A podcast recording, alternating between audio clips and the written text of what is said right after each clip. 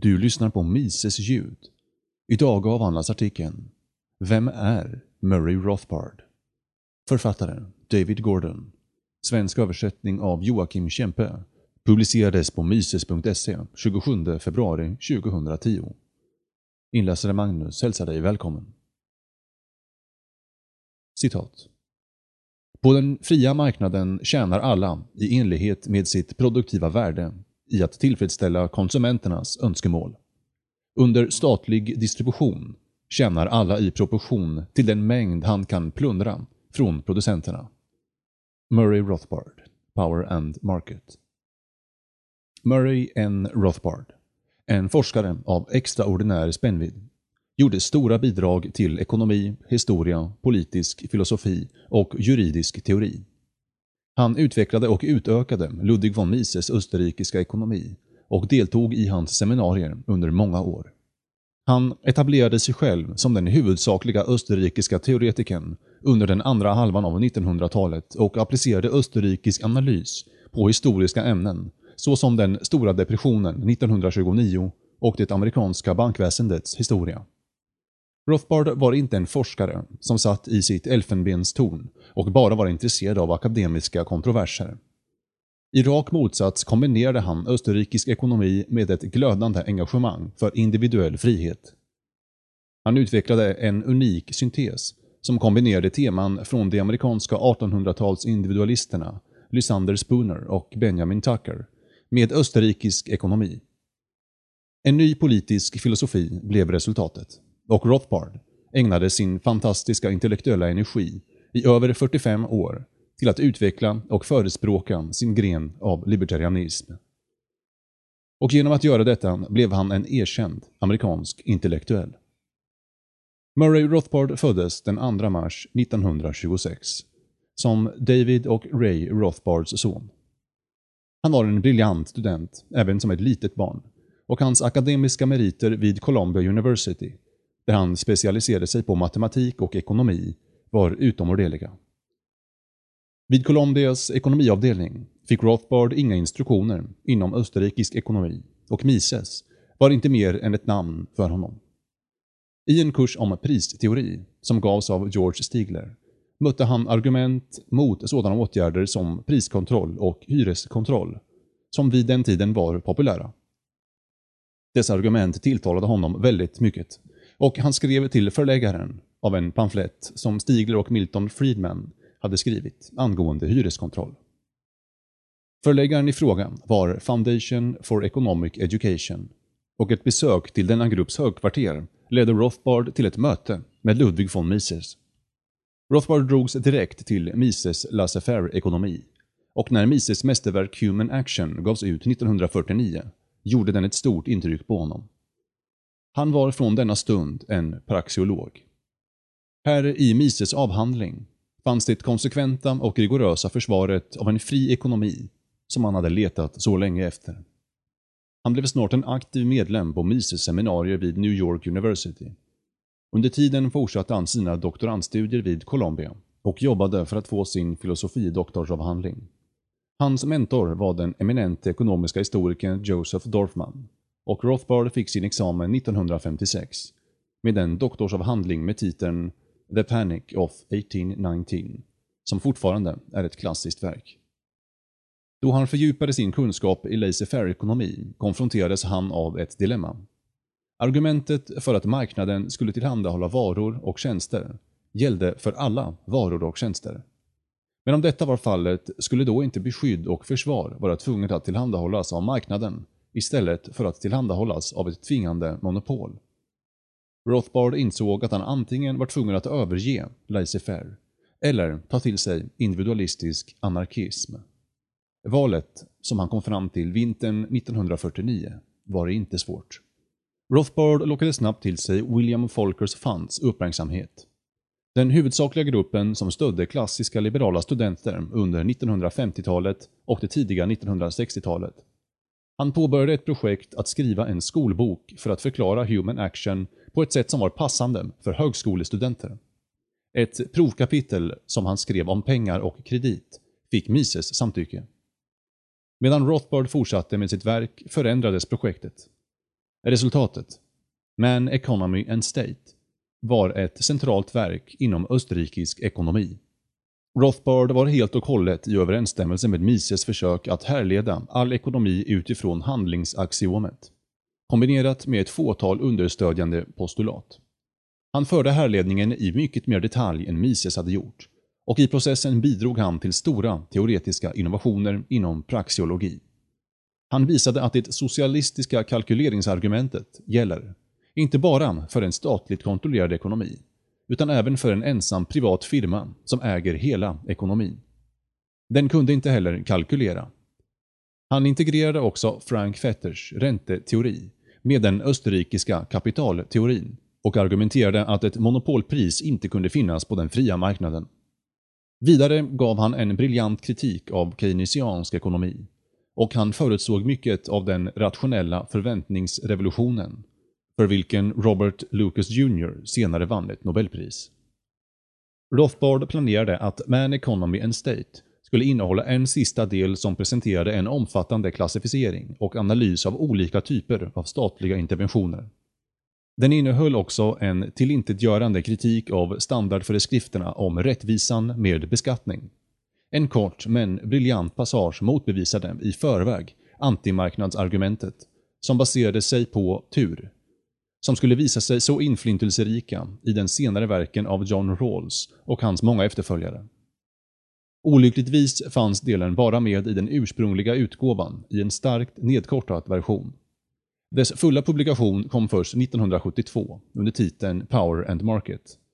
Den fulla versionen av Man Economy and State, som Rothbard ville ha den från början, finns nu tillgänglig hos Mises-institutet. Detta mästerliga verk var långt ifrån uttömmande för alla Rothbards bidrag inom ekonomisk teori. I en stor uppsats Towards a Reconstruction of Utility and Welfare Economics 1956 visade han att om man på allvar tar det faktum att nytta är ordinal och inte kardinal skulle antimarknadssynen hos de flesta moderna välfärdsekonomerna vara tvungen att överges. Strikt användande av demonstrerad preferens tillåter att man säger att deltagarna i ett frivilligt utbyte förväntar sig vinst, ex ante. Längre än så här kan ekonomen, så tillvida att han är värdefri, inte gå. Hans huvudsakliga uppsatser inom ekonomisk teori finns tillgängliga i den posthumana samlingen på två volymer, The Logic of Action från 1997. Rothbard ägnade monetär teori stor uppmärksamhet. Här betonade han fördelarna med den klassiska guldmyntfoten och stödde bankverksamhet på 100% reserver. Detta system, menade han, skulle hindra kreditexpansionen som, enligt den österrikiska teorin inom konjunkturcykeln som utvecklades av Mises och Friedrich Hayek, ledde till en oundviklig depression. Han summerade sitt synsätt för allmänheten i den ofta återtryckta “What has government done to our money?” och skrev också en lärobok, “The Mystery of Banking”. Rothbard visade vilket ljus den österrikiska teorin skulle skina på den ekonomiska historien i America's Great Depression. Långt ifrån att vara ett bevis på den oreglerade kapitalismens misslyckande visar depressionen 1929 snarare på faran med statliga interventioner i ekonomin. Den ekonomiska kollapsen kom som den nödvändiga korrektion av den artificiella boomen som skapats av centralbankens monetära expansion under 20-talet. Försöken av staten att bota nedgången gjorde endast att saker blev värre. Genom att framföra detta argument blev Rothbard en pionjär inom Hoover Revisionism. I motsats till myterna som marknadsförts av Hoover och hans medhjälpare var Hoover inte en motståndare till en stor stat. I rak motsats föregick politikingenjörens ekonomiska politik New Deal. Rothbards uppfattning om Hoover är numera vitt accepterad. För Rothbard var bankpolitik en nyckel till amerikansk ekonomisk historia. Som Michelet trodde han att historien är köttets återuppståndelse och hans diskussioner är inga dammtorra statistiska presentationer. Han var alltid intresserad av att identifiera specifika aktörer och intressen bakom historiska beslut. Kampen mellan de konkurrerande banksällskapen Morgan och Rockefeller figurerar om och om igen i hans artiklar inom detta område, som har samlats i hans A History of Money and Banking in the United States. Rothbard sträckte sig långt bortom ekonomi i sina historiska verk. I en serie på fyra volymer, Conceived in Liberty, presenterade han en detaljerad bild av den amerikanska koloniala historien som betonade de libertarianska föregångarna till den amerikanska revolutionen.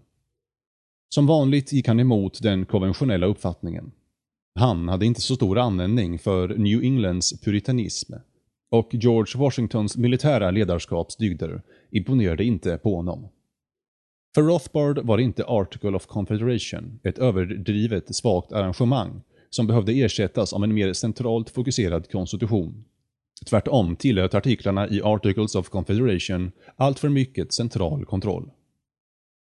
Även om Rothbard vanligtvis fann sig själv i nära enighet med Mises, fanns det ett område som han menade att Mises hade fel inom. Mises menade att etiska uppfattningar var subjektiva. Ultimata mål lyder inte under rationella bedömningar. Rothbard höll inte med och höll fast vid att en objektiv etik kunde ha sin grund i den mänskliga naturens behov. Hans hållning, som baserades på Aristoteles och thamistisk filosofi, presenteras i hans omfattande verk The Ethics of Liberty, en omfattande studie om politisk filosofi. I sitt system av politisk etik är självägande den huvudsakliga principen. Givet en robust föreställning om självägande är ett tvingande statligt monopol på försvarstjänster inte legitimt. Och Rothbard tar sig an att motbevisa argumenten hos förespråkarna av en minimalstat som hävdade annorlunda, där Robert Nozick var den mest framträdande.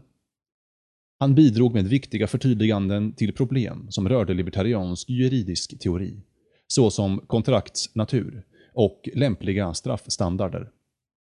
Han förklarade varför Mises instrumentella argument för marknaden inte lyckades fullt ut, även om man hittar mycket av värde i det. Och han kritiserade i noggrann detalj Hayeks uppfattning om rättssäkerhet.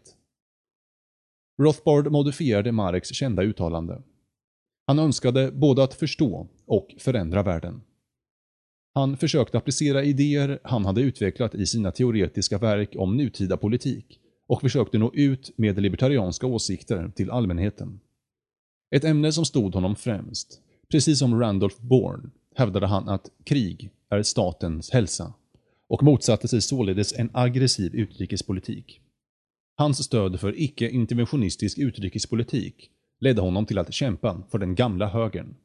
John T. Flynn, Garrett Garrett och andra som var isolationister före första världskriget delade Rothbards tro på den nära kopplingen mellan statsmakt och en krigisk utrikespolitik. Situationen var helt annorlunda med efterkrigstidens konservatism. Även om Rothbard var en tidig medarbetare på William Buckleys National Review förkastade han den aggressiva strävan efter det kalla kriget, som förespråkades av Buckley och medlemmarna på hans redaktion, såsom James Burnham och Frank S. Mayer. Han bröt med dessa konservativa och blev därefter en av deras starkaste motståndare. För liknande orsaker förkastade han deras neokonservativa efterföljare. Han följde en pragmatisk hållning av temporära allianser med alla grupper som, vid en given tidpunkt, motsatte sig militarism och utrikesäventyr. Han la fram grunden för sitt politiska ställningstagande i en nyckeluppsats, Left and Right, The Prospects for Liberty. Denna publicerades i en viktig lärojournal, Left and Right, som han hade etablerat. Denna innehöll omfattande uppsatser om revisionistisk historia och utrikespolitik, men överlevde tyvärr bara från 1965 till 1968. I ett försök att bredda libertarianismens inflytande i den akademiska världen grundade Rothbard Journal for Libertarian Studies 1977.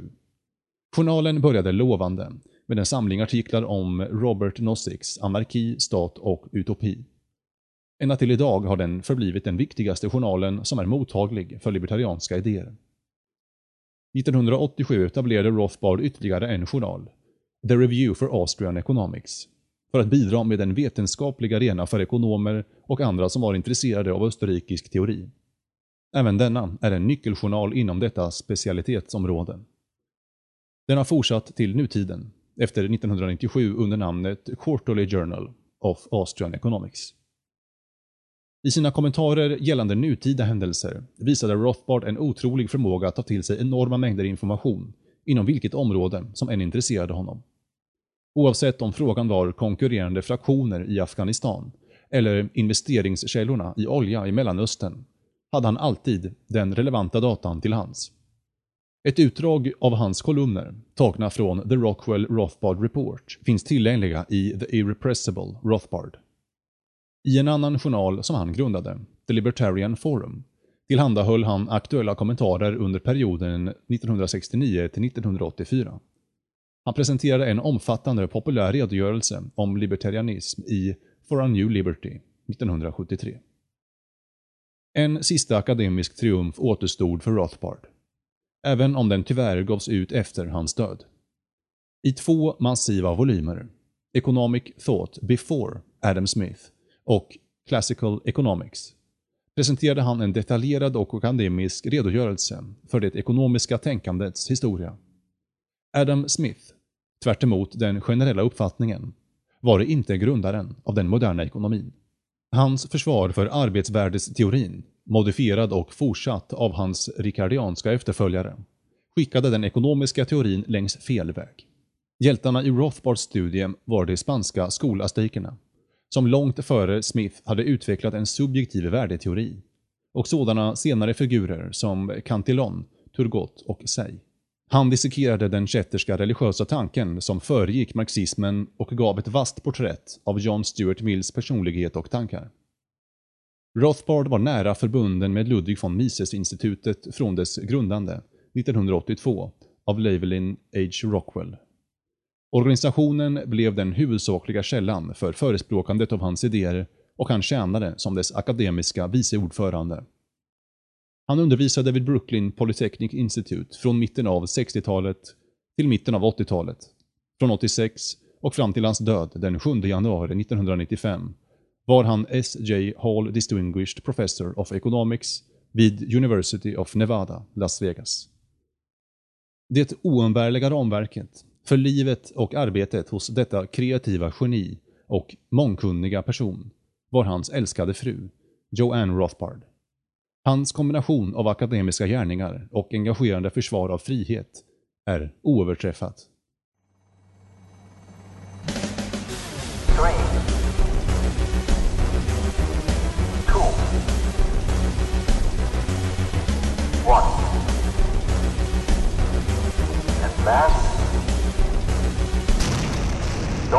your trusted politician.